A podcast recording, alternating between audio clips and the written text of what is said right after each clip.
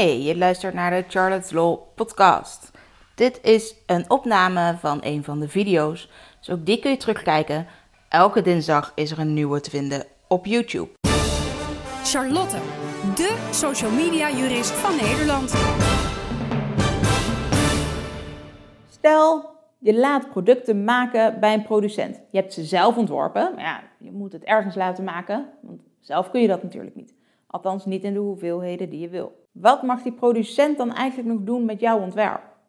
Mag hij dat doorverkopen of bijvoorbeeld voor anderen produceren? Dat is een beetje een lastige vraag soms.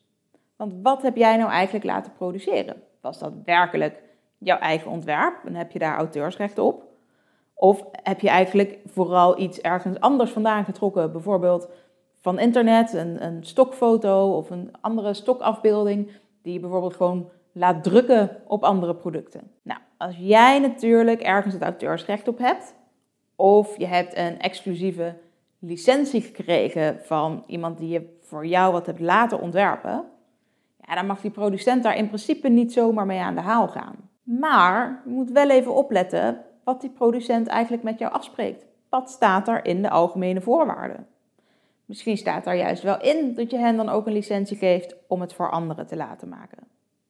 Zorg dan dat je dus afspreekt dat ze dat absoluut niet mogen doen. Kan gewoon in een e-mailtje, als het maar vaststaat.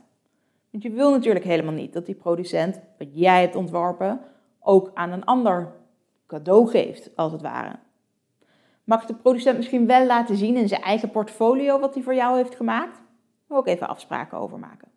Maar misschien wil jij bijvoorbeeld helemaal niet dat mensen weten welke producent er achter jouw product zit. Heb je nou alleen maar een bepaald idee, nou ja, je levert natuurlijk altijd een specifiek ontwerp in bij de producent, maar maakt de producent dat idee na en gaan ze dat voor anderen produceren, daar doe je eigenlijk niet zo heel veel tegen.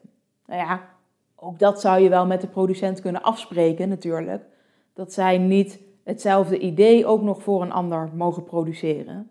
Maar ja, laten we wel weten, vaak zijn machines dan al ingesteld op bijvoorbeeld een bepaalde vorm die jij wilde gebruiken hebben ze daarin geïnvesteerd, ja, dan vinden ze het wel mooi als ze die vorm ook nog voor iemand anders kunnen gebruiken. Kortom, eigenlijk weer heel erg flauw, maar zorg dat je goede afspraken maakt.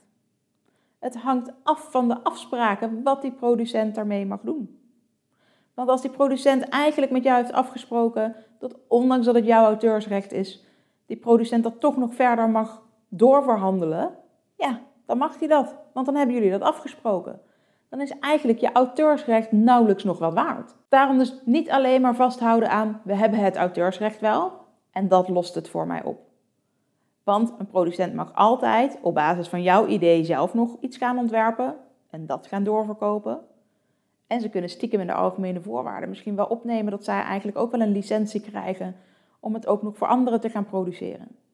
Maak daarom vooral verdomd goede afspraken met je producent of ze het alleen voor jou mogen produceren en hoe lang het eventueel exclusief blijft, in hoeverre ze jouw ontwerpen nog mogen bewaren überhaupt, of moeten ze die gewoon op den duur weggooien.